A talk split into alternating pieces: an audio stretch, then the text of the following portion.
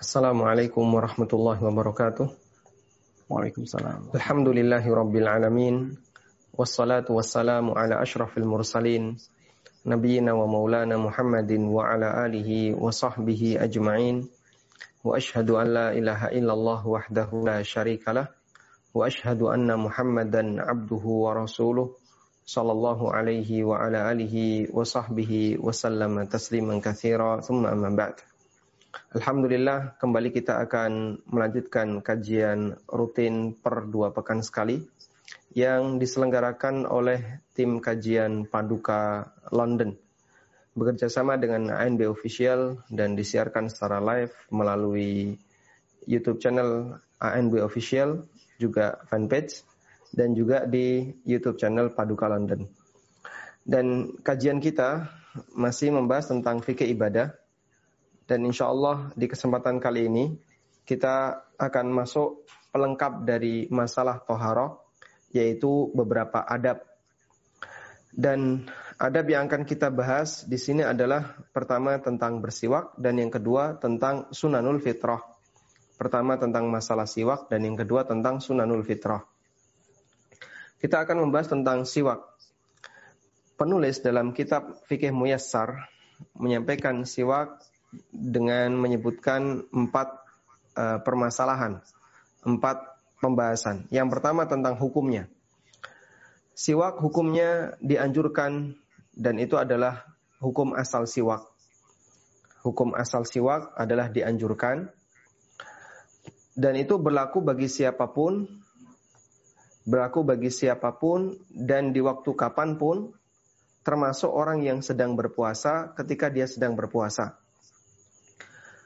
Hukumnya juga dianjurkan sebagaimana yang lain, baik dilakukan di waktu pagi maupun di waktu sore. Karena Nabi Shallallahu Alaihi Wasallam memerintahkan kita untuk bersiwak, menekankan kita untuk bersiwak, dan beliau tidak menjelaskan apakah itu hanya berlaku untuk orang yang sedang tidak puasa, ataukah juga berlaku bagi mereka yang puasa. Artinya, ketika perintah itu disampaikan secara mutlak, Berarti maknanya kita berlakukan secara mutlak tanpa diberi batasan.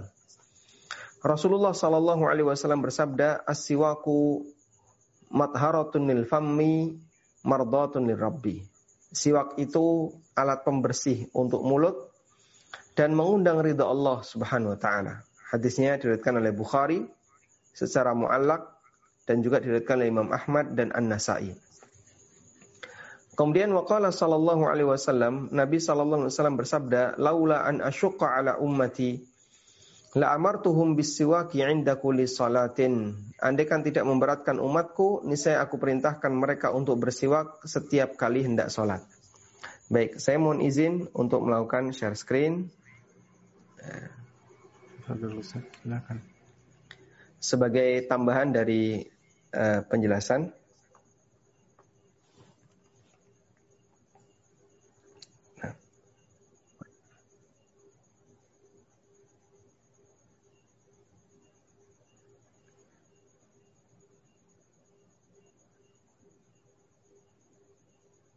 Baik. Baik jamaah kita uh, akan bantu penjelasan dengan menggunakan share screen. Kita membahas tentang masalah siwak dan tadi kita sampaikan bahwa hukum asal siwak adalah dianjurkan. Hukum asal dianjurkan. Kenapa disebut hukum asal? Sebuah amalan jika di situ disebut hukum asal, berarti hukum itu memiliki kemungkinan untuk bergeser menjadi yang lain. Bisa menjadi uh, sunnah atau bisa menjadi apa? wajib atau bisa menjadi makruh. Nah, tentang siwak yang hukum asalnya dianjurkan, apakah ini berlaku seterusnya? sehingga siwak selalu hukum ada pada posisi hukum dianjurkan ataukah di sana ada pengecualian? Sebagian ulama mengatakan hukum siwak, hukum bersiwak adalah dianjurkan tanpa pengecualian. Dan sebagian ada yang mengatakan bersiwak dianjurkan kecuali ya, bersiwak dianjurkan kecuali jika di sana bagi orang yang puasa. Kecuali bagi yang berpuasa setelah masuk siang hari. Yang ini hukumnya makruh. Dan ini pendapat sebagian ulama Syafi'iyah. Dan alasan kenapa dihukumi makruh adalah sebuah hadis Nabi Shallallahu Alaihi Wasallam bersabda, "Lisaimi uh, la khulufu fammi saimi atyabu indallah min rihil mis." Bahwa bau mulut orang yang berpuasa itu lebih harum di sisi Allah dibandingkan minyak kasturi, minyak misk. Sehingga ketika orang yang berpuasa punya keutamaan berupa bau mulut dan itu lebih harum di sisi Allah dibandingkan kasturi, maka kita tidak dianjurkan untuk menghilangkannya. Sehingga makro bagi orang yang sedang berpuasa menghilangkan bau mulut itu, maka silahkan pertahankan dan jangan digosok giginya. Tayyib. Namun pendapat ini pendapat yang lemah dengan dalil bahwa Nabi Shallallahu Alaihi Wasallam memerintahkan untuk bersiwak dan itu bersikap, bersifat umum. Ya. Ini pendapat yang doif karena Rasulullah Shallallahu Alaihi Wasallam memerintahkan siwak itu bersifat umum. Baik. Sebagaimana dalam hadis yang tadi kita sampaikan, laula an ala ummati la amartuhum bisiwak inda kulli salatin. Andaikan tidak memberatkan umatku, niscaya aku perintahkan mereka untuk gosok gigi setiap kali salat. Kemudian yang kedua, permasalahan yang kedua adalah mata yata'akkad. Kapan bersiwak itu sangat ditekankan. Di buku disebutkan yata'akkadu indal wudu. Bersiwak sangat dianjurkan ketika berwudu. Dan ketika bangun tidur. Kemudian yang ketiga, saat terjadi perubahan bau mulut. Atau ketika hendak membaca Al-Quran. Atau ketika hendak sholat. Demikian pula ketika hendak masuk masjid, masuk rumah. Berdasarkan hadis dari Miqdam bin Shuraih dari ayahnya. Beliau pernah bertanya kepada Aisyah radhiyallahu anha, bi ayyi syai'in kana yabda'un nabiyyu sallallahu alaihi wasallam idza dakhala baitah. Apa yang pertama kali dilakukan oleh Nabi sallallahu alaihi wasallam ketika beliau hendak masuk rumah? Qalat kata Aisyah bisiwak. Yang pertama kali beliau lakukan adalah bersiwak. Sehingga kebiasaan Nabi sallallahu alaihi wasallam dan ini bagian dari sunnah yang mungkin di zaman kita uh, hampir sudah tidak lagi dilestarikan. Kebiasaan Nabi SAW ketika mau masuk rumah adalah bersiwak.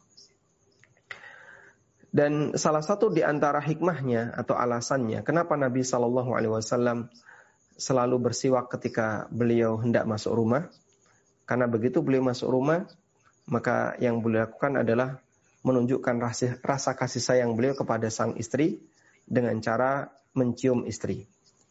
Maka beliau ingin pastikan tidak ada bau mulut yang mengganggu di situ, sehingga Rasulullah Sallallahu Alaihi Wasallam sebelum masuk rumah atau ketika mau masuk rumah beliau gosok gigi. Baik, di zaman kita seperti ini hampir tidak terjadi ya. Jarang sekali kaum muslimin yang mereka melakukan gosok gigi ketika hendak masuk rumah. Karena wastafelnya kan di dalam. Ya. Berarti apakah ada anjuran untuk membuat wastafel di luar rumah? Biar nanti bisa gosok gigi. Memang kalau kita lihat media bersiwak yang digunakan oleh Nabi Shallallahu Alaihi Wasallam itu media dalam bentuk kayu yang dia praktis bisa dibawa ke mana-mana. Sedangkan kalau media kita kan lebih rumit ya, karena media kita dalam bentuk uh, sikat gigi dan kemudian dia terpisah dengan odolnya. Kemudian nanti ketika dipakai harus diguyur dengan air, orang harus berkumur sehingga lebih rumit. Karena alasan inilah jarang kita jumpai ada orang yang ketika masuk rumah dia bersiwak. Kemudian beliau juga mengatakan Rasulullah Sallallahu Alaihi Wasallam ketika bangun malam, yashu sufahu bisiwak. Beliau juga gosok gigi. Dan seorang muslim diperintahkan ketika melakukan ibadah atau mendekat kepada Allah Ta'ala, ayyakuna ala ahsani halin minan nadhafati wa taharah. Agar dia berada dalam kondisi yang paling bagus, yaitu dengan menjaga kebersihan dan kesucian. Maka jangan sampai bau mulut, jangan sampai bau ketiak, ya. bersihkan sebisa mungkin sebelum kita menghadap Allah Subhanahu wa taala dan ketika melaksanakan ibadah. Baik, karena itulah begini jamaah. Jika bersiwak sangat ditekankan, berarti ya, berarti melakukan perbuatan yang ya, bertentangan atau melakukan perbuatan yang membuat bau mulut abadi ini bertentangan dengan perintah siwak. dengan perintah siwak.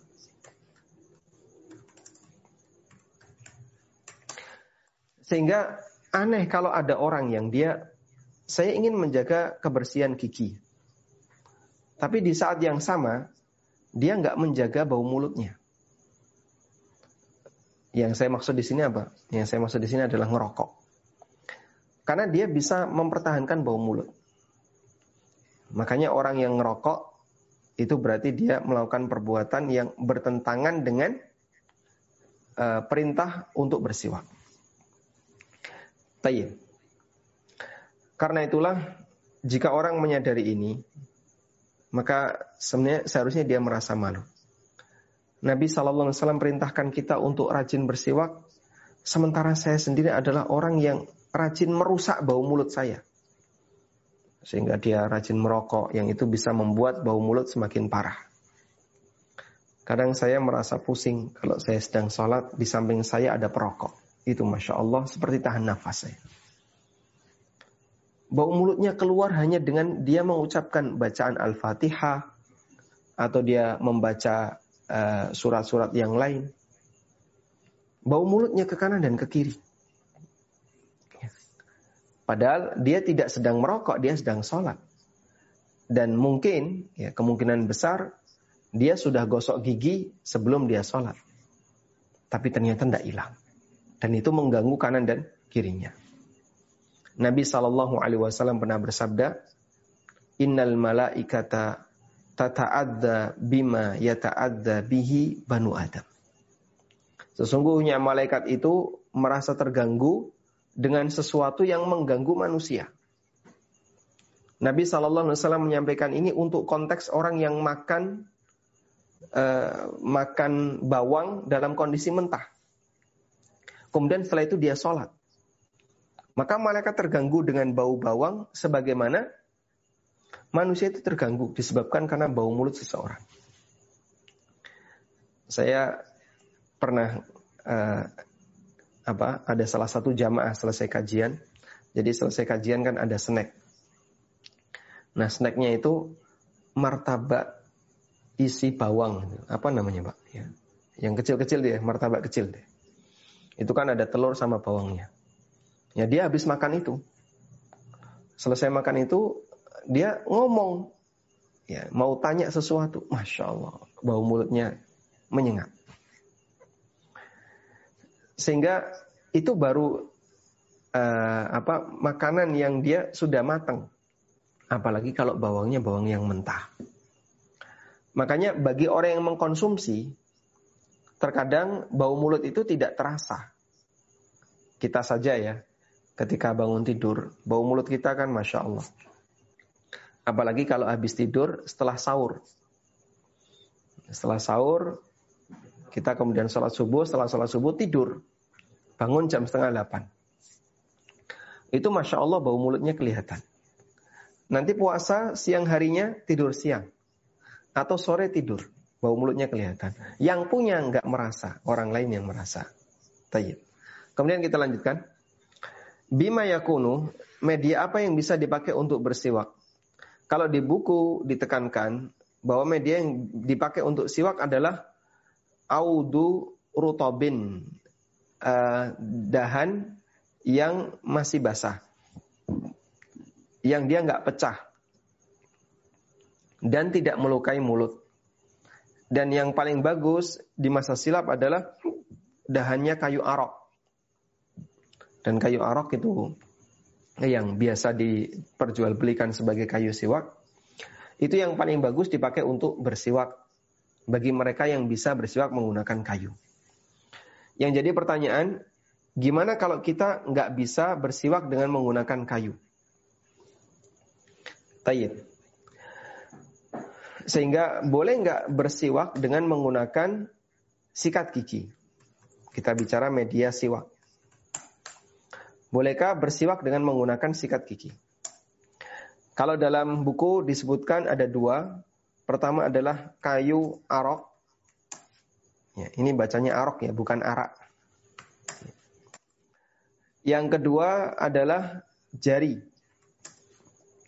Jika tidak memiliki kayu arok. Jika tidak ada kayu arok. Di sini dinyatakan jika dia tidak memiliki ranting yang bisa dipakai untuk bersiwak ketika wudhu, maka boleh bersiwak dengan menggunakan jari. Sebagaimana yang dilakukan oleh Ali bin Abi Thalib radhiyallahu anhu ketika beliau menceritakan bagaimana cara wudhu Nabi Sallallahu Alaihi Wasallam. Sehingga bersiwak dengan jari, bersiwak dengan jari dilakukan saat wudhu. Jika tidak ada kayu arok. Baik. Nah, sekarang tinggal satu media nih, yaitu sikat gigi. Apakah orang yang gosok gigi dengan menggunakan sikat gigi berarti dia telah melakukan sunnah bersiwak dan melaksanakan perintah Nabi SAW yang menyuruh kita untuk bersiwak. Ada fatwa yang disampaikan dalam uh, fatwa Islam, islamko.info. Ada penjelasan tentang ini Lalu dalam fatwa uh, penulis menyebutkan nah. bahwa kita perlu apa? melihat seperti apa definisi siwak. Apakah ini termasuk sunnah bersiwak dengan menggunakan sikat gigi? Maka jawabannya adalah kembalikan kepada definisi siwak. Definisi siwak di sini disebutkan ada keterangan dari Az-Zabidi, salah satu ulama ahli bahasa ya. Qala Az-Zabidi saka syai'a yasukuhu saukan dallakahu wa minhu ukhida al-miswak. Kata siwak kata beliau Az-Zabidi mengatakan siwak maknanya adalah atau berasal dari kata saka yasuku yang artinya menggosok. Sehingga alat untuk menggosok alat untuk menggosok disebut miswak. Alat untuk menggosok disebut miswak. Kemudian Ibnu Daqiqil Id. Ada keterangan Ibnu Daqiqil Id. As-siwaku yutlaqu wa yuradu bihil fi'lu. Alladhi huwal masdar. Kemudian wa yutlaqu wa yuradu bihil alah allati yustaku biha. Kata siwak itu bisa dipakai untuk menyebut nama kegiatan gosok gigi. Juga bisa dipakai untuk menyebut alat yang dipakai untuk gosok gigi. Kemudian Ibnu Athir mengatakan wal miswaku ma tudlaku bil asnan minal idan. Yuqalu saka fahu yasuku idza dalakahu bisiwak. Kata Ibnu Athir, alat untuk bersiwak adalah alat yang bisa dipakai untuk gosok gigi minal idan berupa ranting. Ini ada keterangan yang lain dari Ibnu Athir. Alat bersiwak adalah alat yang bisa digunakan untuk gosok gigi seperti ranting.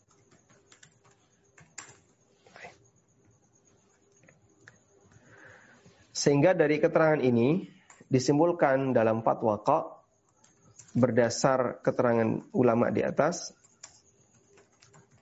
maka alat siwak tidak hanya terbatas dengan kayu arok. Karena itu bagi mereka yang gosok gigi dengan menggunakan sikat gigi dikasih pasta, maka dia sudah memenuhi sunnah Nabi Sallallahu Alaihi Wasallam yaitu penekanan untuk bersiwak. Kemudian beralih ke permasalahan yang keempat terkait masalah siwak. Penulis di sini menyebutkan tentang beberapa manfaat siwak. Di antaranya adalah membersihkan mulut, ya, dan mengundang ridho Allah ketika di akhirat dan selayaknya seorang muslim untuk berusaha untuk menjaga sunnah ini dan tidak meninggalkannya karena ada banyak sekali manfaat. Ya, dan secara logika manusia paham karena itu uh, orang yang menjaga kebersihan salah satunya adalah dia yang rajin untuk gosok gigi. Tayyip. Selesai masalah tentang siwak. Kemudian kita beralih kepada pembahasan sunan al-fitrah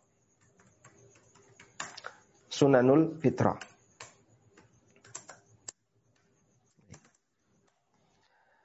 Apa itu sunanul fitrah? Sunan itu bentuk jamak dari kata sunnah. Jamak dari kata sunnah. Dan sunnah itu artinya torikoh, ya, jalan hidup. Sunanul fitrah berarti kebiasaan yang sejalan dengan al-fitrah. Kita definisikan dulu apa itu fitrah. Fitrah adalah kondisi asal ketika manusia diciptakan. Sebagaimana yang Allah firmankan dalam Al-Quran, fitratallahi allati fataran. Itulah fitrah Allah di mana Allah ciptakan manusia sesuai dengan fitrah. Nabi Shallallahu Alaihi Wasallam juga bersabda, "Ma min mauludin illa wa yuladu alal fitrah." Setiap anak mereka dilahirkan dalam kondisi fitrah. Sehingga dia dalam kondisi asal ketika manusia diciptakan. Dan fitrah itu mengarah kepada kebaikan. Karena Allah Subhanahu wa taala kasih sayang kepada manusia dan salah satu di antara bentuk kasih sayang Allah adalah Allah berikan manusia itu fitrah yang fitrahnya itu mengarah kepada kebaikan. Nah, gabungan dari dua kata ini, sunanul fitrah, artinya adalah kebiasaan yang sejalan dengan fitrah. Sehingga ketika orang menjaganya, maka berarti fitrahnya masih bersih. Sehingga jika ada orang yang menjaganya, maka fitrahnya masih bersih.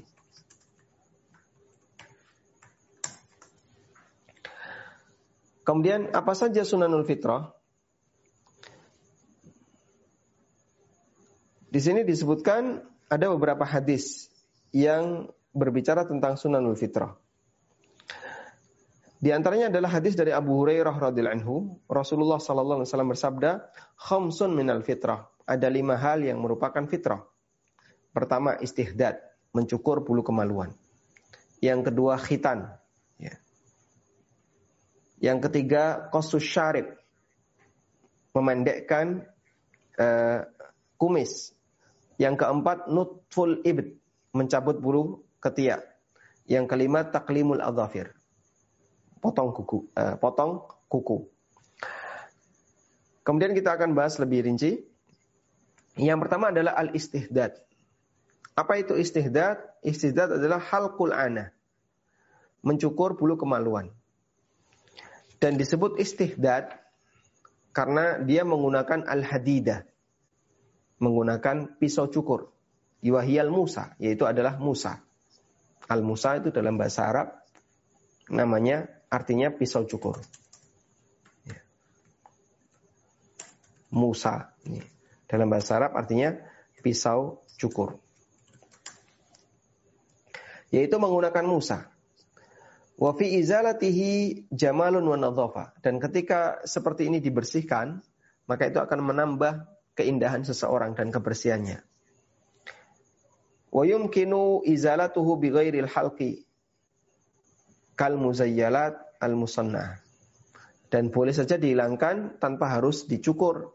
Ya, misalnya uh, kal muzilat al musannah seperti misalnya alat-alat untuk pembersih uh, yang apa hasil produksi yang dibuat oleh pabrik. Kemudian yang kedua adalah khitan. Khitan adalah menghilangkan kulit yang menutupi hasyafah. Ya, yang menutupi tudung kemaluan lelaki. Dan bagi lelaki hukumnya wajib. Sementara untuk wanita khitan bentuknya berbeda, yaitu memotong uh, di sini lahmatun zaidah, daging tambahan. Kila innaha tushbihu urfaddik. Ada yang mengatakan itu seperti jengger ayam. Ya, bahasa kita klitoris.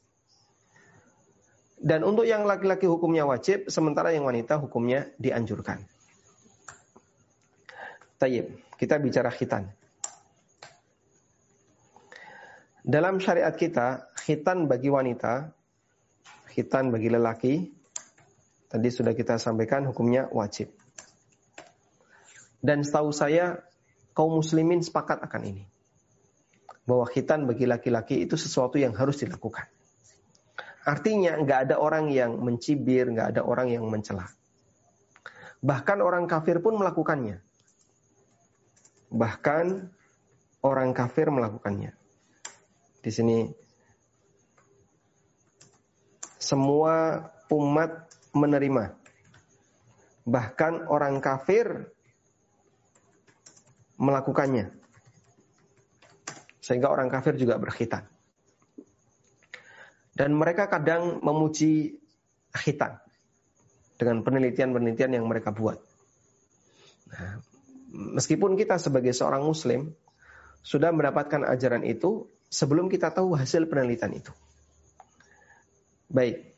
Karena itu untuk khitan bagi laki-laki nggak ada masalah. Tidak ada uh, sesuatu yang perlu untuk serius dibahas. Nah yang kedua adalah khitan bagi wanita.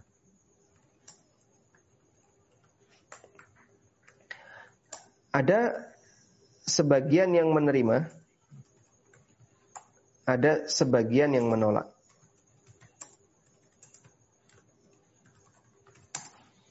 Dan dulu di Indonesia ini sempat ramai ya ketika ada kasus apa begitu, bidan menghitan bayi, akhirnya sempat rame jadi bahan perbincangan nasional.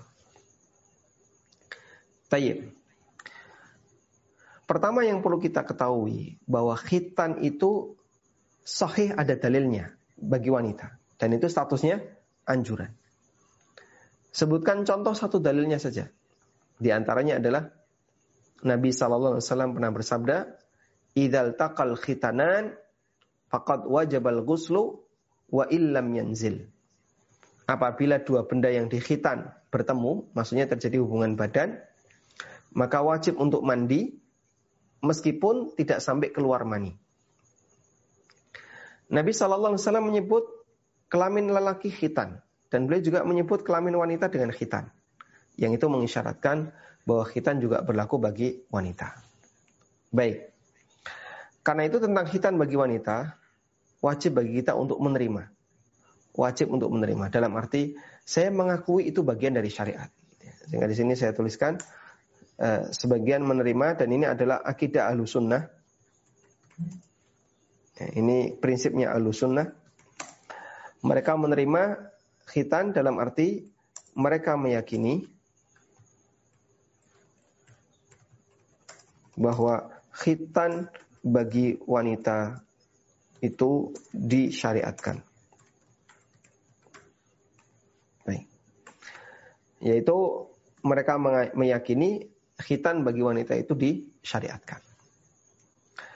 Nah, meyakini kalau khitan itu disyariatkan itu beda permasalahannya dengan uh, mengamalkan atau tidak mengamalkan.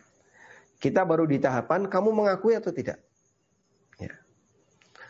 Sebagai alusunnah, sebagai muslim kita wajib mengakui. Dan nggak boleh nolak. Kenapa? Karena terdapat banyak dalil di mana Nabi Shallallahu Alaihi Wasallam mensyariatkan khitan bagi wanita. Nah, ada sebagian yang menolak khitan bagi wanita. Dan ini sikap yang nggak benar. Ya. Kamu boleh saja nggak mengkhitan anak-anakmu yang perempuan, tapi kalau menolak hukumnya, bahkan melawan itu tidak benar. Ya, nggak benar. Menolak itu artinya tidak mengakui tidak mengakui keberadaan hukum khitan bagi wanita. Nah, kalau tidak mengakui ini bisa sampai ranah bahaya. Karena dia mendustakan hadis yang berbicara tentang khitan bagi wanita, ya. Dan itu satu hal yang berbahaya. Makanya kita tidak boleh menolak syariat khitan. Kita wajib menerima. Nah, yang menerima syariat khitan, terus apa hukum khitan? Menerima itu bukan berarti mewajibkan atau menerima yang mengatakan wajib. Menerima artinya mengakui kalau itu ada dalam syariat. Cuman apakah saya menyatakan wajib ataukah tidak itu permasalahan yang yang lain. Sehingga di sini khitan bagi wanita sebagian ulama menerima dan ini pendapat ahlu sunnah, prinsip ahlu sunnah, karena mereka meyakini bahwa khitan bagi wanita itu disyariatkan, ada dalilnya. Ya. Meskipun kalau bicara dari sisi hukum, pendapat yang kuat, yang kuat, khitan bagi wanita tidak wajib tapi dianjurkan.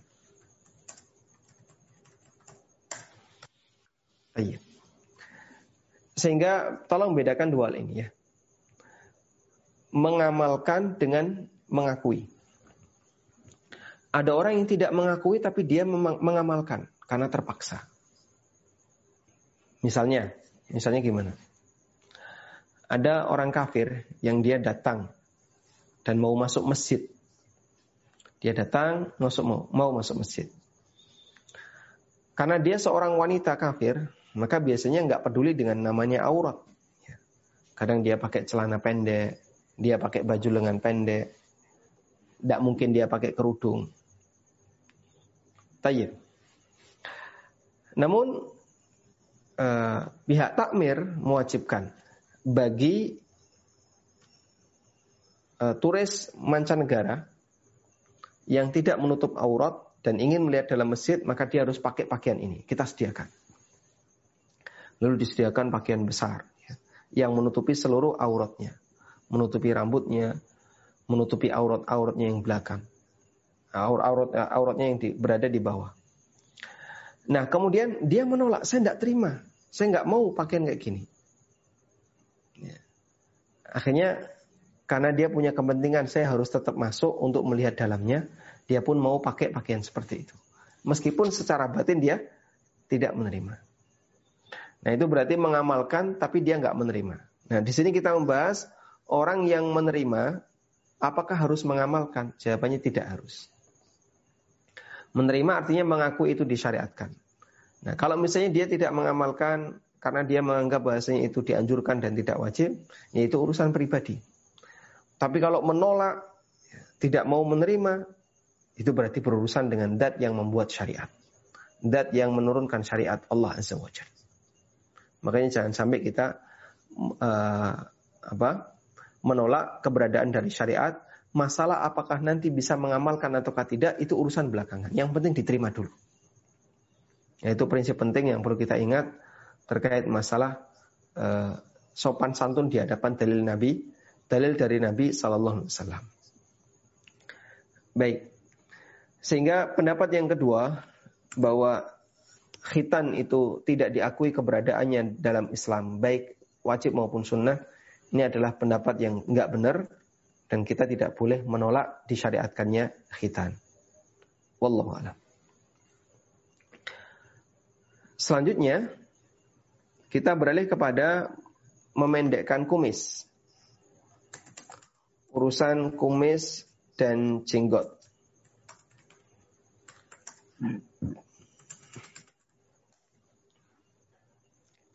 Baik jamaah. Di masyarakat kita, kumis dan jenggot ini dua hal yang yang dinilai seperti berlawanan. Ya, meskipun sebenarnya sah-sah saja ada orang yang berjenggot sekaligus dia punya banyak kumis.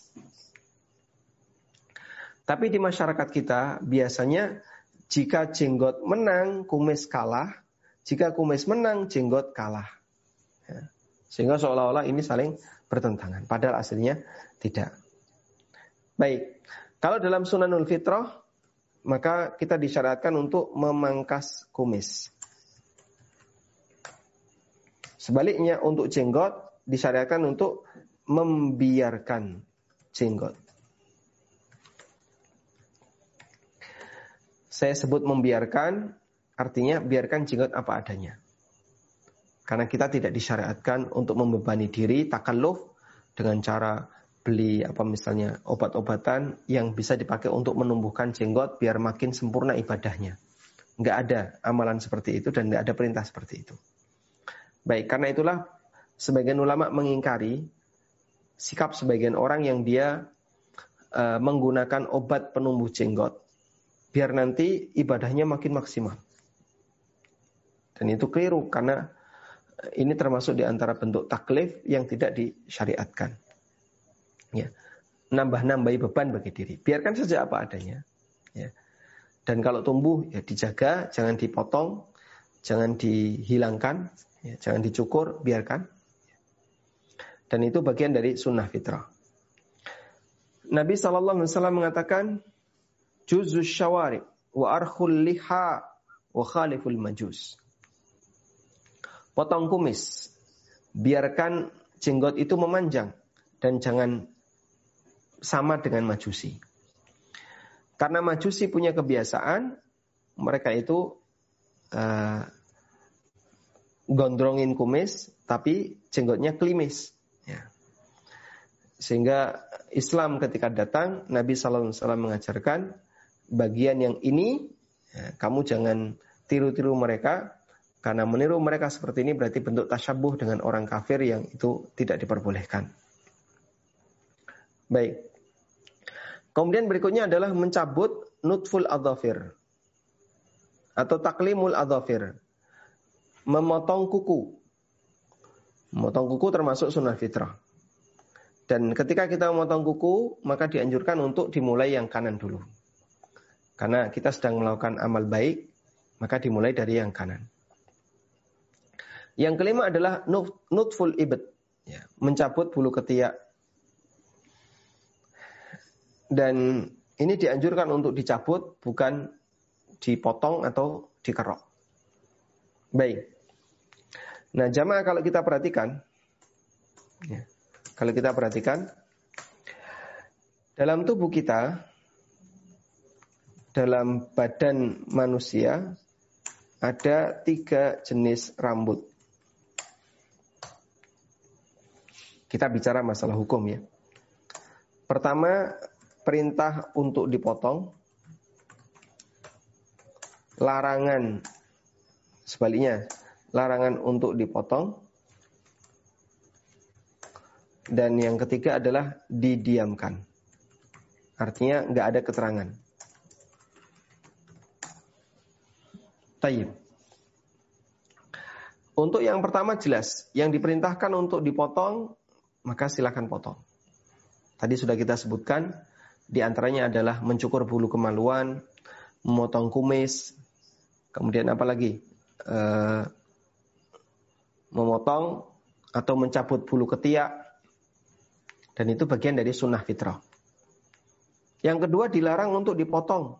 Ya, contohnya alis, kemudian jenggot, itu tidak boleh. Yang ketiga didiamkan, artinya nggak ada keterangan dari syariat. Nah untuk kasus yang ketiga ini yang didiamkan, tidak ada keterangan, maka itu adalah kelonggaran dari syariat. Artinya syariat tidak memerintahkan dan juga tidak melarang Kamu mau melakukan silahkan, enggak juga boleh. Ya. Contohnya apa? Rambut yang didiamkan.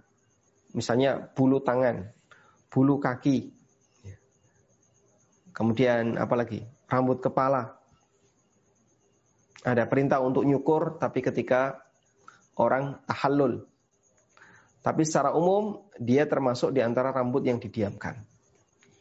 Baik, nah yang didiamkan di sini uh, boleh dipraktekkan atau boleh dilakukan ya karena tidak ada larangan dalam syariat. Misalnya mencukur bulu kaki, ya silahkan. Gak ada larangan dalam syariat. Dan juga tidak ada perintah. Yang seperti ini sifatnya hanya masalah yang mubah. Tayyib. Kemudian dari cara membersihkan rambut itu ada tiga. Yang pertama ada yang dipangkas, ya, dipangkas ini dipangkas ringan. Yang kedua ada yang dicukur, yang ketiga ada yang dicabut. Dipangkas, dicukur, dicabut. Kalau ini berarti meninggalkan sisa.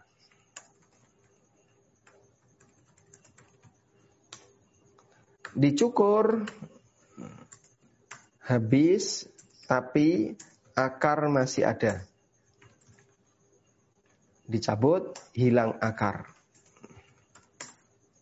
Sudah? Nah, parola mengatakan dianjurkan untuk ya, dianjurkan untuk memberlakukan rambut sesuai jenis perintah. Sesuai jenis perintah. Sehingga kalau dipangkas ya dipangkas, kalau disuruh cukur cukur, kalau cabut cabut. Ya. Contoh yang dipangkas apa? Yang masih meninggalkan sisa. Nah, contohnya misalnya uh, rambut kepala. Ini para ulama ketika atau uh, ketika orang sedang ikhram maka dia boleh meninggalkan sebagian sehingga dia tidak gundul ketika sudah selesai haji atau umroh. Kemudian yang kedua dicukur habis tanpa tapi akar masih ada. Ya, contohnya istihdad mencukur bulu kemaluan. Sehingga dia dicukur ya, sampai habis tapi masih ada akarnya karena tidak dicabut. Yang ketiga dicabut yaitu sampai hilang akar. Ya. Dan ini contohnya adalah bulu ketiak. Nabi Shallallahu Alaihi Wasallam menganjurkan agar bulu ketiak itu dinutof, ya, dicabut. Baik. Nah tadi kita punya kaidah dianjurkan untuk memperlakukan jenis rambut sesuai dengan jenis perintah. Nah, sekarang ada pertanyaan. Apa hukum ngerok kumis?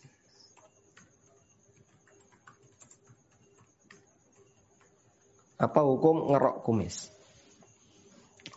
Apakah ngerok kumis itu hukumnya dianjurkan ataukah justru sebaliknya tidak dianjurkan? Ulama berbeda pendapat dalam masalah ini. Sebagian ulama mengatakan dan itu pendapat jumhur. Jumhur mengatakan kumis tidak dikerok tapi dicukur.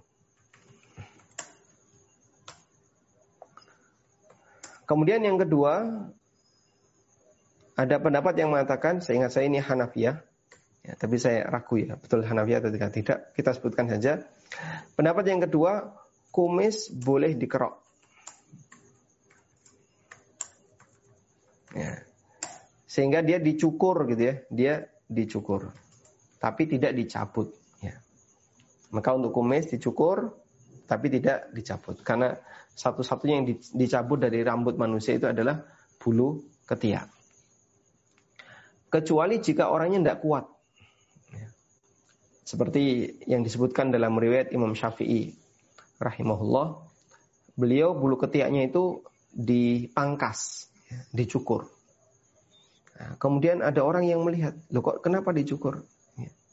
Kata Imam Syafi'i, andikan bukan karena sakit, saya akan mau cabut. Ya. Maka mencabut bulu ketiak itu bagian dari sunnah Nabi Sallallahu Alaihi Wasallam. Ada satu kisah ya. Ada seorang imam, ya, seorang ulama al hadis. Beliau masuk ke sebuah masjid. Lalu beliau uh, mungkin setelah selesai sholat tahiyatul masjid, beliau melihat ada kerumunan orang.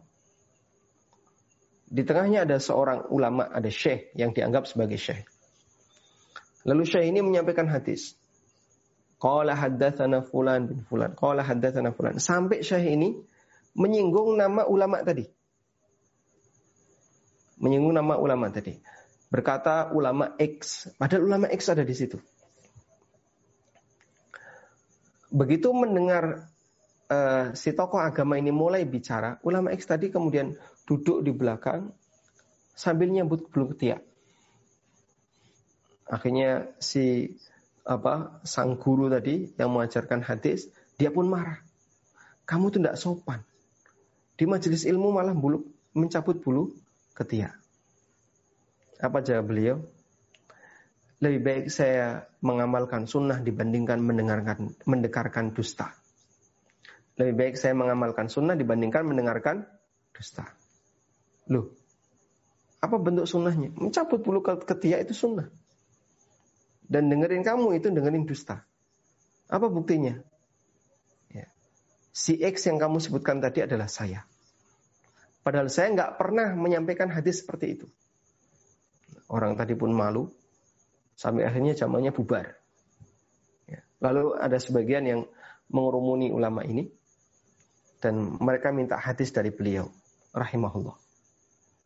Baik. Karena itu eh, ketika Bapak Ibu ya misalnya dalam kondisi ketika hendak mandi nyabut-nyabut bulu ketiak ya. Kita perlu yakini bahasanya itu bagian dari sunnah Nabi Sallallahu Alaihi Wasallam dan itu masuk dalam Sunanun Al-Fitrah. Baik.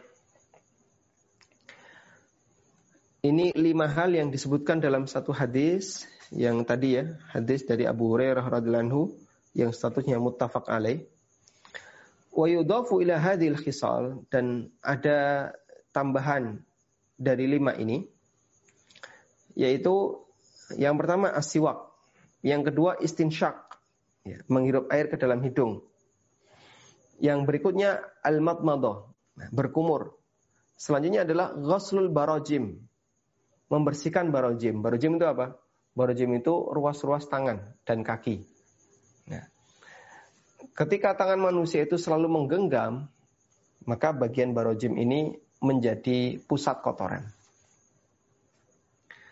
Maka bagian dari sunan fitrah adalah membersihkan barojim. Nah kita kalau cuci tangan, barojim ini otomatis kena. Tayyib. Baik yang berada di uh, apa punggung telapak tangan maupun yang berada di yang berada di telapak tangannya. Ruas-ruas tulang ini disebut dengan barojim dan ini adalah tempatnya kotoran. Maka ketika kita mencuci tangan, bagian ini di, dibersihkan.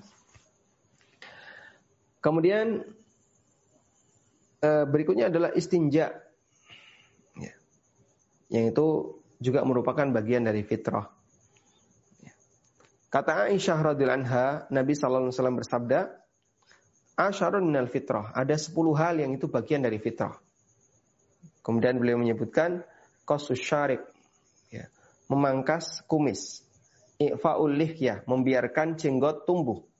Membiarkan jenggot. Asiwak, istinsyak menghirup air ke dalam hidung, kosul adfar potong kuku, ya. Ghuslul barojim membersihkan barojim, nutful ibad mencabut bulu ketiak, halkul ana mencukur bulu kemaluan, wantiqasul ma yakni istinja dan berikutnya adalah istinja. Kata Mus'ab bin Syaibah yang beli salah satu perawi hadis, wa nasi itu al ashirah. Aku lupa, aku lupa dengan yang ke sepuluh illa antakunal madmado. Hanya saja kemungkinan itu adalah berkumur. Nah, siapa yang bisa melakukan ini dan menjaga ini, maka berarti dia menjaga fitrah yang diajarkan oleh Islam. Wallahu ta'ala alam. Tayyib. Ini materi tentang sunanul fitrah sudah selesai. Dan kita masuk pada bab yang kelima, bab baru, yaitu tentang wudhu. Namun bab ini cukup panjang, maka kami serahkan kepada panitia. Jika ini mau dibahas, saya bahas. Tapi mungkin waktunya sangat terbatas. Nah. Kalau tidak dibahas, agar nanti bisa dibahas lebih komplit di belakang, maka bisa kita pisahkan dan nanti kita akan kaji di pertemuan berikutnya. Baik. Wallahu Baik. Baik. Alhamdulillah. Uh, Selanjutnya mungkin... kami uh, kembalikan kepada Pak Rashid. Apakah ini mau dibahas atau tidak? Uh, baik. Maksud saya hari ini. Ya, mungkin uh, yang bab berikutnya mengenai wudhu kita bahas uh, pekan depan mungkin Ustadz karena udah Baik, insya Allah. Berarti untuk wudhu kita bahas di pertemuan berikutnya. Nah, uh, baik Ustaz. Ini ada beberapa pertanyaan yang sudah masuk Ustaz. Baik, silakan Pak. Baik, uh, saya share screen ya Ustaz. Uh, Afwan. Baik, saya stop dulu. Nah. Baik, ini pertanyaan pertama Ustaz. Assalamualaikum Ustaz, bertanya tentang bersiwak. Sunahnya sebelum berwudu bersiwak atau gosok gigi dulu. Karena biasa gosok gigi dengan odol. Kadang habis gosok gigi sebelum wudhu ada cipratan odol di kaki. Kadang terlihat sebelum wudhu, kadang baru sadar setelah wudhu. Ingin bertanya, apakah bekas odol yang menempel di kaki itu dianggap menghalangi, menghalangi anggota wudhu?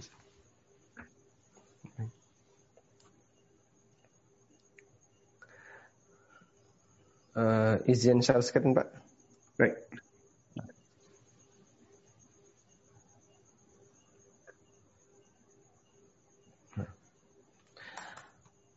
Jadi benda yang berada di permukaan anggota wudhu itu ada dua ya. Benda di permukaan anggota wudhu. Jika menghalangi air, menghalangi air bisa terkena mengenai kulit, maka hukumnya dilarang, harus dibersihkan. Tapi sebaliknya, sebaliknya, jika tidak menghalangi air mengenai kulit, hukumnya boleh dipakai untuk wudhu. Tidak menghalangi air mengenai kulit, maka hukumnya boleh. Contoh yang menghalangi air mengenai kulit, cat, dan apalagi? Uh, lakban, apalagi? Karet, dan seterusnya. Contoh yang tidak menghalangi air mengenai kulit, tinta pulpen. Ya. Tangan dicoret-coret, pakai tinta kena spidol, nah itu tidak menghalangi air. Makanya dia ketika kena air, air itu masih mengenai kulit. Ya. Nembus di sela-sela uh, unsur tinta tadi. Nah kalau bentuknya seperti ini, insya Allah tidak masalah. Dan yang kita tahu odol itu jenis yang kedua, tidak menghalangi air ketika mengenai kulit kecuali jika dia tebal ya. Kalau dia cuma tipis, cipratan-cipratan itu masih bisa. Karena odol ketika kena air dia meresap.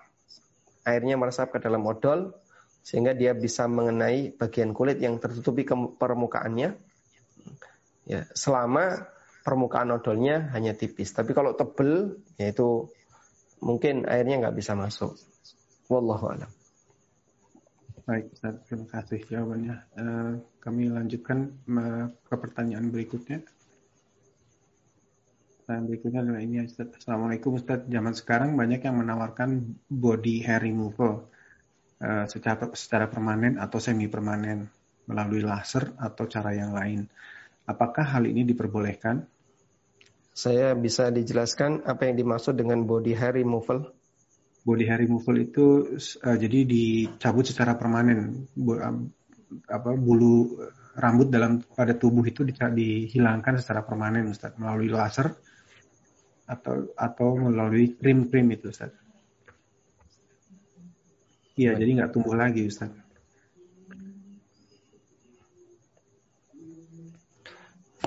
Wallahu taala alam. jika uh, melakukan body hair removal dalam arti apa dia mencabut secara permanen tadi ya, ya. dengan media-media yang dimiliki baik dengan menggunakan laser maupun yang lainnya. Wallahu alam jika yang dicabut adalah bulu yang disyariatkan untuk dicabut seperti bulu ketiak atau bulu kemaluan, ya, insya Allah tidak masalah. Karena memang kita disyariatkan untuk melakukannya. Atau bulu yang berada eh, yang seharusnya idealnya ada di lelaki, tapi ternyata tumbuh di wanita. Misalnya jenggot di wanita. Hmm. Nah, para ulama mengatakan wanita berjenggot, wanita berkumis itu boleh dihilangkan total. Ya. Bulu-bulu yang ada di kumis maupun yang ada di jenggotnya. Nah. Sehingga untuk bagian ini boleh dihilangkan total karena memang dia disyariatkan untuk dihilangkan. Wallahu alam. Nah, Alhamdulillah. Baik, kiranya sudah jelas. Uh, menjawab pertanyaan berikutnya.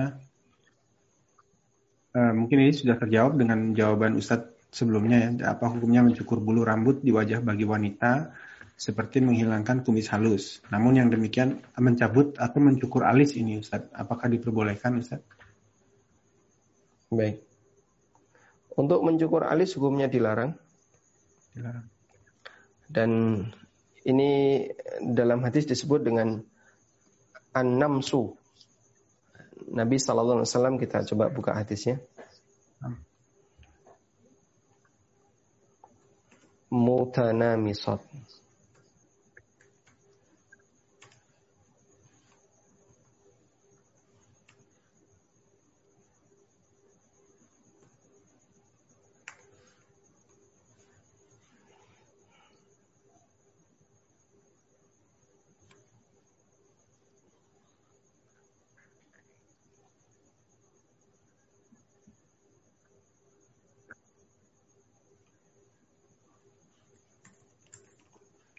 Al-muta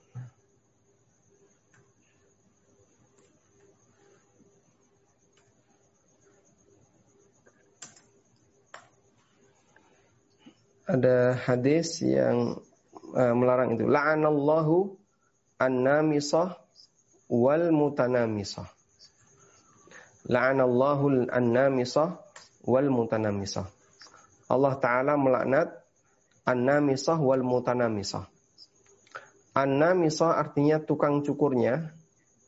Mutana misah artinya yang dicukur, orang yang minta untuk dicukur. Ya. Hadisnya didapatkan oleh Imam Ahmad dalam musnadnya dari Ibnu Mas'ud radhiyallahu anhu. Ibnu Mas'ud mengatakan, "Sami'tu Rasulullah sallallahu alaihi wasallam naha 'anin namisah wal washirah wal wasilah wal washimah illa min da'in. Aku mendengar Rasulullah SAW melarang dari an-namisah. Dan makna an-namisah adalah uh, alladhi tantufu sya'raha. Wanita yang tugasnya mencabut bulu wanita yang lain. Dan yang dicabut itu adalah bulu alis atau bulu jenggot bagi lelaki. Karena itu uh, an-namsu hukumnya tidak diperbolehkan sehingga ketika ada orang yang merapikan alis dengan cara dikerok dan seterusnya hukumnya dilarang. Bahkan di sini statusnya dilaknat oleh Rasulullah Sallallahu Alaihi Wasallam. Wallahu alam. Baik Ustaz. Um, ini pertanyaan berikutnya. Oh, eh, mungkin berkaitan dengan pertanyaan sebelumnya, namun ini sebaliknya Ustadz. Apakah boleh menggunakan obat penumbuh bulu untuk alis Ustadz? Taib. Apakah boleh menggunakan obat penumbuh bulu alis? Mhm. Kami tidak menjumpai adanya dalil yang melarang tentang pengaturan keindahan badan selama tidak sampai mengubah ciptaan Allah dan itu bentuknya adalah dengan melakukan operasi yang bersifat permanen atau uh, apa melakukan tindakan yang dia bersifat permanen. Hmm. Jadi saya buka eh, share screen lagi Pak ya. Ya, silahkan Ustaz. Ya. ya. Mengubah kondisi wajah. Mengubah kondisi wajah itu ada dua. Pertama ada yang tujuannya pengobatan. ada yang tujuannya untuk keindahan. Ada yang lit tadawi dan ada yang lit tajamul. Kalau tujuannya untuk pengobatan, ini adalah asalnya nggak normal. Atau karena dia sakit ya, atau kecelakaan. Lalu dinormalkan dengan cara diobati. Maka ini hukumnya boleh. Ya. Dinormalkan dengan uh, treatment tertentu ya dengan dengan penanganan tertentu ini hukumnya boleh dalilnya dulu ada sahabat yang bernama Urfuja sahabat Urfuja ini hidungnya pernah kepapras pedang sehingga hmm. rongga hidungnya ada tapi mancungnya ini nggak ada Lalu oleh Urfujah ditambal dengan perak. Namun ternyata lukanya makin parah. Kemudian ketemu Nabi SAW, lalu disarankan oleh Nabi SAW, kenapa nggak kau tambal dengan emas? Kemudian ditambal dengan emas. Ya, ditambal dengan emas.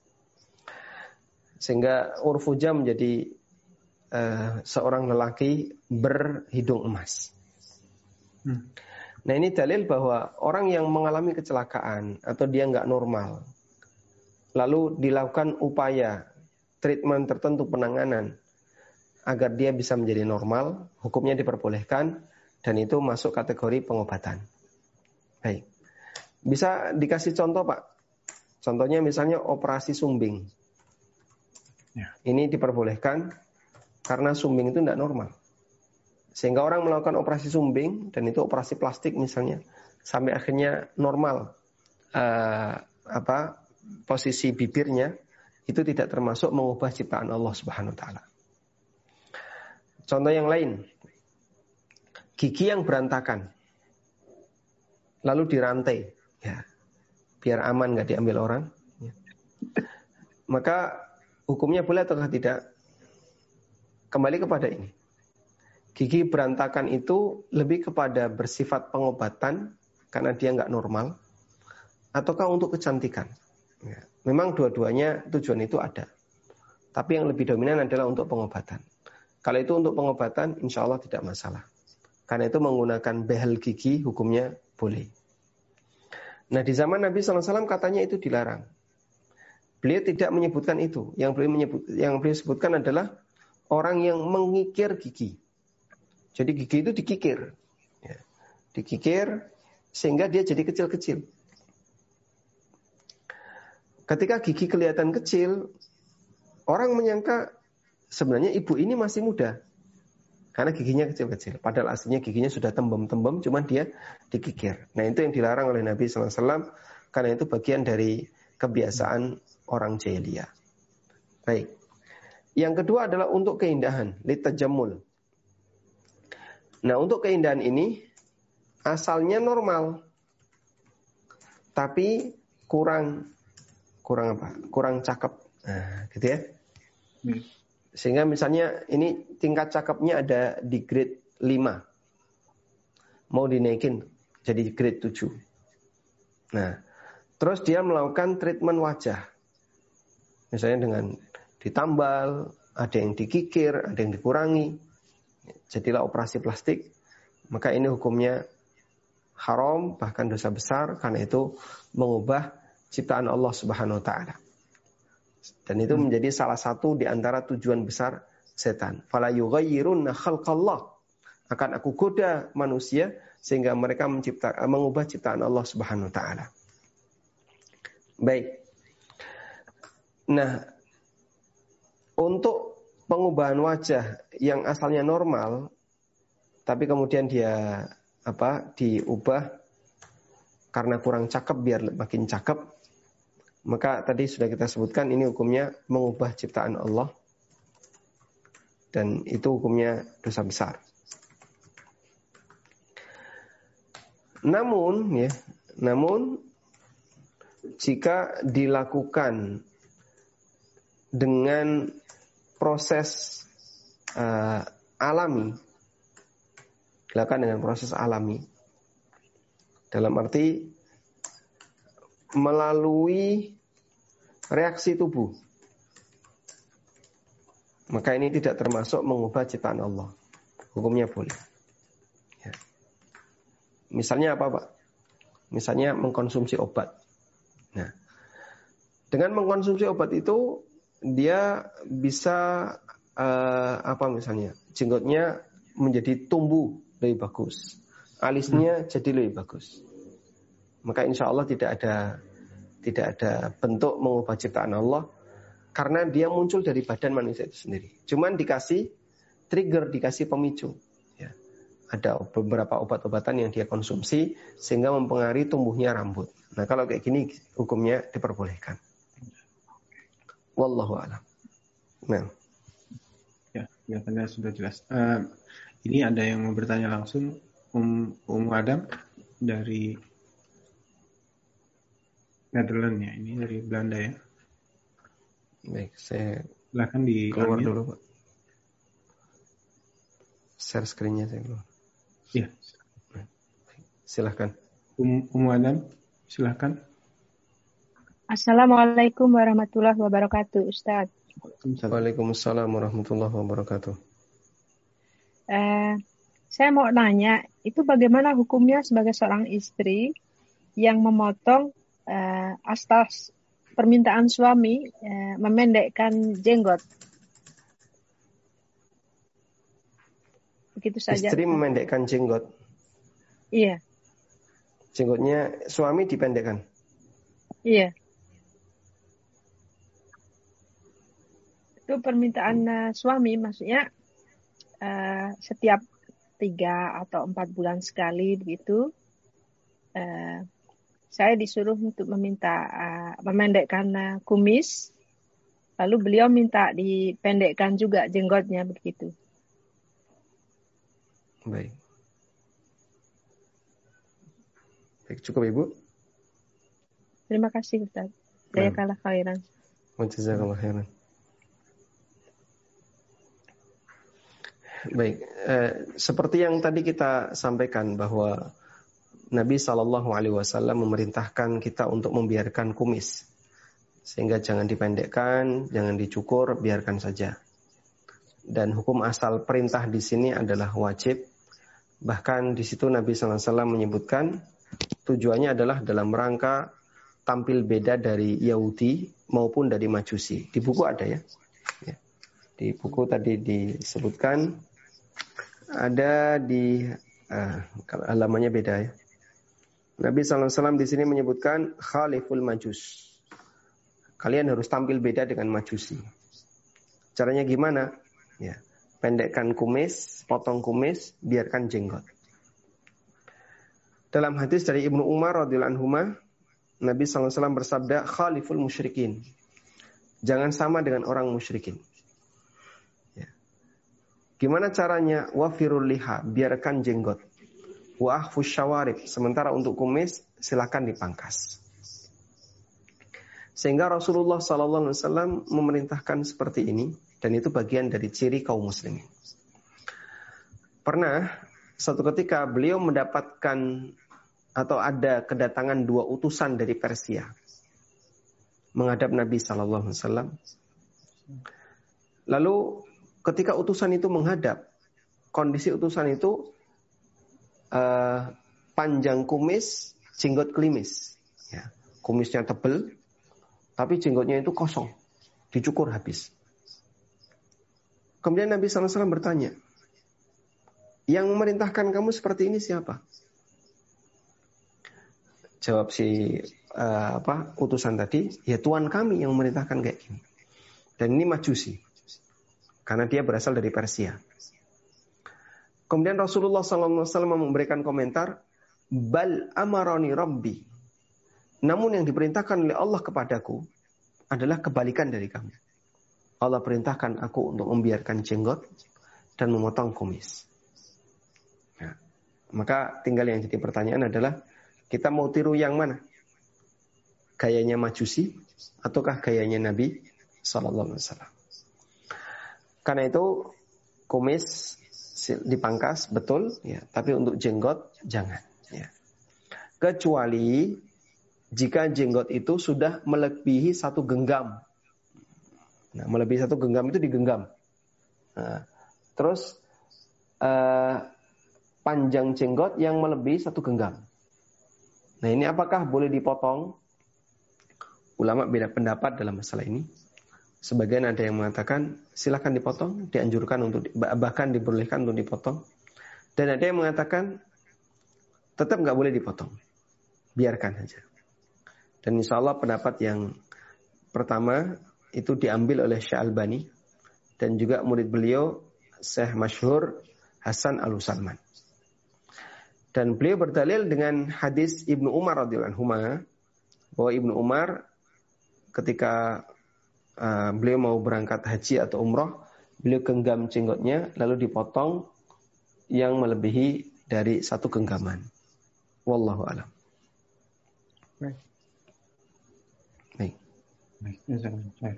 Uh, Afwan Ustaz, mau nanya. Ya, silakan Ibu.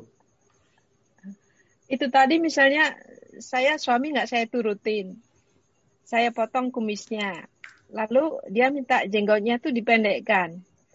Dia uh, nggak sepanjang satu genggaman, tapi lebih pendek. Lalu beliau kalau nggak saya turutin, ancam kalau gitu saya ke tukang cukur uh, di luar, maksudnya ke tukang cukur umum. Nanti akan saya pendekkan sekali gitu. Jadi saya dihadapkan pada pilihan yang tidak menyenangkan gitu. Makanya saya ingin bertanya bagaimana hukumnya dengan saya gitu. Baik. Kalau kita sudah paham bahwasanya ini tidak sejalan dengan kondisi syar'i, uh, sementara ibu diperintahkan oleh suami, yang bisa kami sarankan, pertama ibu sampaikan kepada suami dalil sebagaimana yang tadi kita sampaikan. Ya. Ya. Karena Baik. Nabi Muhammad Ya silakan. Ibu sampaikan kepada suami dalil sebagaimana yang tadi kita bahas karena Nabi Muhammad SAW adalah rahmatan lil alamin dan semoga suami ibu uh, apa mau menerima hadis Nabi SAW sebagaimana yang tadi kita bacakan. Kemudian kalau misalnya suami masih keberatan, kami sarankan ibu bisa ajak suami untuk menemui salah satu tokoh agama di sana. Kalau tinggal di Belanda berarti di Belanda. Dan mungkin melalui nasihat beliau, tausiah beliau bisa uh, apa menenangkan hati suami. Nah, jika upaya-upaya ini ternyata tetap gagal dan suami tetap minta jenggot harus dipangkas, tidak ada pilihan lain. Maka sampaikan kepada suami, mohon maaf saya nggak bisa bantu untuk bagian ini. Nah selanjutnya kalau suami datang ke uh, barbershop, lalu kemudian jenggotnya dipangkas sendiri, nah itu urusan pribadi. Yang jelas posisi ibu tidak masuk dalam kategori tolong menolong dalam perbuatan dosa maupun maksiat. Wallahu alam. Baik, alhamdulillah. Terima kasih. khairan Ustaz. Wa khairan. Baik. Um, Afwan Ustadz, ini jam 9 malam di situ um, di Indonesia kami ada masih ada beberapa pertanyaan. Bagaimana Ustadz? Baik, silakan Pak. Mungkin 10 menit lagi. Boleh, baik. Uh, pertanyaan berikutnya ini saya gabung dari dua penanya Ustadz, namun saya pikir ada ada kesamaan.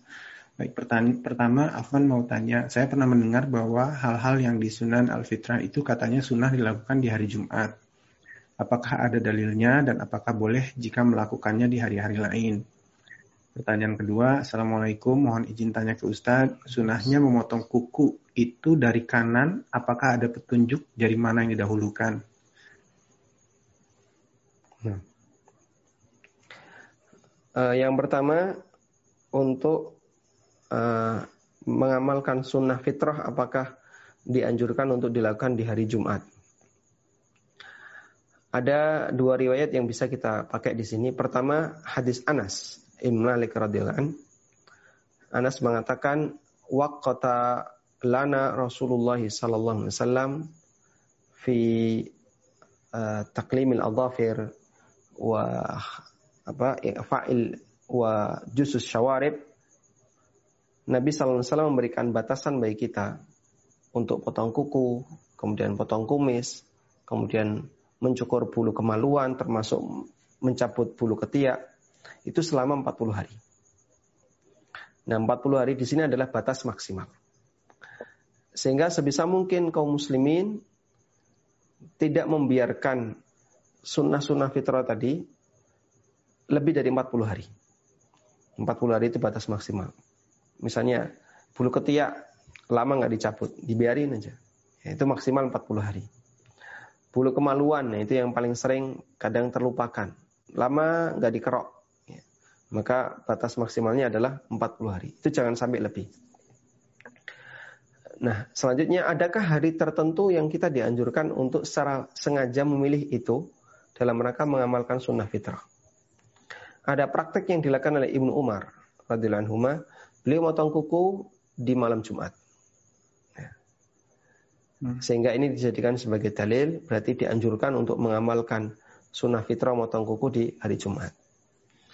Namun untuk yang lain, wallahu alam kami tidak menjumpai dalilnya dan Nabi Shallallahu Alaihi Wasallam juga tidak menyebutkan secara khusus mengenai waktu yang istimewa, karena itu pada asalnya bisa dipraktekkan di hari kapan pun. Tapi kalau ini ingin mencari yang afdol, potong tangan ditaruh di hari Jumat. Eh, potong kuku ditaruh di hari Jumat. Selanjutnya, eh, untuk potong kuku dimulai dari kanan itu dalilnya mana? Dalilnya adalah hadis Aisyah radhiyallahu anha yang diriwayatkan oleh Bukhari Muslim. Aisyah mengatakan, kanan Nabi sallallahu alaihi wasallam yu'jibuhu tayammun fi tuhurihi wa tarujjulihi wa fi sya'nihi kulli. Nabi SAW itu senang mendahulukan yang kanan ketika bersuci, ketika menyisir, wa tana'ulihi ketika pakai sandal, wa fi sya'nihi kulli dan dalam semua urusan beliau. Lalu ini dijadikan sebagai dalil oleh para ulama bahwa kita dianjurkan untuk mendahulukan yang kanan dalam aktivitas sehari-hari kita. Nah, termasuk di antaranya adalah mendahulukan yang kanan ketika potong kuku. Dan kita ulang, mendahulukan yang kanan di sini berlaku untuk kegiatan yang baik. Termasuk di antaranya adalah ketika potong kuku. Nah, karena potong kuku termasuk kegiatan yang baik, kita dahulukan yang kanan. Nah, yang kanan itu mulai dari mana? Nah, kita posisikan jari kita seperti ini. Berarti mana yang paling kanan? Yang paling kanan adalah kelingking kanan. Nah, selanjutnya diurutkan kelingking kanan, ke jari manis dan begitu seterusnya. Terus jempol kiri sampai kelingking kiri. Ya. Itu kalau misalnya uh, mau betul-betul sesuai dengan anjuran Nabi SAW mendahulukan yang kanan dengan niat untuk mengikuti praktek Nabi SAW. Bisa dilakukan seperti ini. Wallahu alam. Baik. Nah. Terima kasih. Ini ada mungkin untuk pertanyaan terakhir saya gabung dua pertanyaan. Uh, baik. Assalamualaikum warahmatullahi wabarakatuh. Ustaz, saya seorang ibu dengan satu anak laki-laki berusia 26 tahun. Kami punya hobi mengecat rambut, tapi tidak pernah dicat warna hitam. Apakah ini uh, mengecat rambut dengan warna selain warna asli terlarang? Terima kasih. Itu pertanyaan pertama. Pertanyaan berikutnya ada hubungan dengan rambut. Apa hukumnya apabila rambut-rambut tersebut dipotong oleh orang-orang non-muslim? Misalnya uh, wax atau menggunakan lilin untuk dicabut atau potong rambut biasa di salon. Wax itu diapakan Pak? Jadi menggunakan lilin Pak, jadi dicabut sampai ke akar-akarnya dicabut. Namun dia akan tumbuh lagi dalam waktu yang lebih panjang daripada kita potong biasa. Ya. Untuk ngecat rambut, ngecat rambut uh, insya Allah tidak masalah karena para sahabat mereka rambutnya ada yang berwarna jenggotnya ya, yang kelihatan jenggotnya. Karena kalau rambut kepala kadang mereka tutupi. Ada yang berwarna kuning, ada yang berwarna merah. Ya. Dan Nabi SAW juga menganjurkan hal itu. Bagaimana kalau rambutnya masih normal, berwarna hitam? Boleh nggak dicat? Wallahu taala alam kami tidak menjumpai uh, apa dalil yang melarang itu. Dan insya Allah jika ini tidak termasuk bentuk tasyabuh dengan orang yang secara perilaku kurang baik ya dengan orang fasik atau orang jahat maka hukum asalnya tidak masalah ya. tapi kalau itu sebagai bentuk tasyabuh di sini di sini ciri khas anak pang itu rambutnya dicat kuning dicat merah berarti ngecat kuning ngecat merah rambut seperti ini bisa masuk kategori tasyabuh. Kecuali jika dalam kondisi sudah beruban. Orang yang ubannya banyak, Rasulullah SAW menganjurkan kalau bisa diubah dengan cara dicat warna kuning atau warna yang lainnya. Wajidan ibu sawat tapi harus dihindari warna hitam. Sehingga kalau dia rambutnya sudah uh, banyak yang beruban, dicat tidak masalah. Tapi kalau rambutnya masih normal, masih hitam, kami sarankan sebaiknya tidak dicat dulu ya. Biarkan apa adanya. Karena perintah ini diberikan oleh Nabi SAW khususnya bagi mereka yang rambutnya sudah berubah. Wallahu a'lam. Baik. Uh, Afwan Ustaz, uh, singkat aja nih dari saya mengenai, mengenai rambut kalau untuk orang-orang yang uh, berambut pirang begitu itu dibiarkan saja Ustaz. Uh, nggak boleh dicat warna pirang lagi maksudnya. Itu sudah rambut asli, Pak. Ya. Kalau rambut asli, asli biarkan saja. Biarkan. Okay. Yang Baik. dipermasalahkan tadi adalah ketika ada orang yang rambutnya hitam, terus di masyarakatnya ada kebiasaan ngecat rambut itu adalah modelnya anak-anak yang nggak baik. Ya. Hmm. Anak ngepang, anak yang suka ngegeng-ngegeng di pinggir jalan. Sehingga ada kesan rambut kayak gini tuh rambut anak nakal. Hmm. Nah, di tempat itu ngecat rambut bisa termasuk tasyabuh dengan anak nakal. Dan kita dilarang. Tapi kalau misalnya di daerah yang lain, di Eropa rambut pirang itu hal yang biasa. Baik orang soleh maupun orang jahat, ada yang berambut pirang. Karena memang bagian dari gennya. Maka yang sudah ketemu seperti ini tidak perlu dicat hitam. Dan andaikan ada orang yang rambutnya normal terus dicat kuning ikut-ikutan mereka, dan itu bukan ciri khas orang jahat, insya Allah diperbolehkan. Wallahu alam. Ustaz, saya kira uh, pertanyaan sudah habis Ustaz. Alhamdulillahirrahmanirrahim. Baik demikian yang bisa kita sampaikan. Semoga menjadi kajian yang bermanfaat. Wassalamualaikum ala nabiyyina Muhammadin wa akhiru da'wana alhamdulillahi rabbil alamin. Subhanakallahumma wa bihamdika asyhadu an la ilaha illa anta astaghfiruka wa atubu ilaik. Wassalamualaikum warahmatullahi wabarakatuh. Waalaikumsalam warahmatullahi wabarakatuh. Jazakallah khair Ustaz eh, atas waktu dan ilmunya. Gue kajian kali ini bermanfaat. Eh, bisa disimak kembali di channel YouTube Paduka underscore UK atau di channel uh, Ustadz Aminur Baits Fans. Mohon maaf jika ada kekurangan dan kesalahan. Barakallahu fikum. Wabillahi taufiq walhidayah. Wassalamualaikum warahmatullahi wabarakatuh. Waalaikumsalam warahmatullahi wabarakatuh.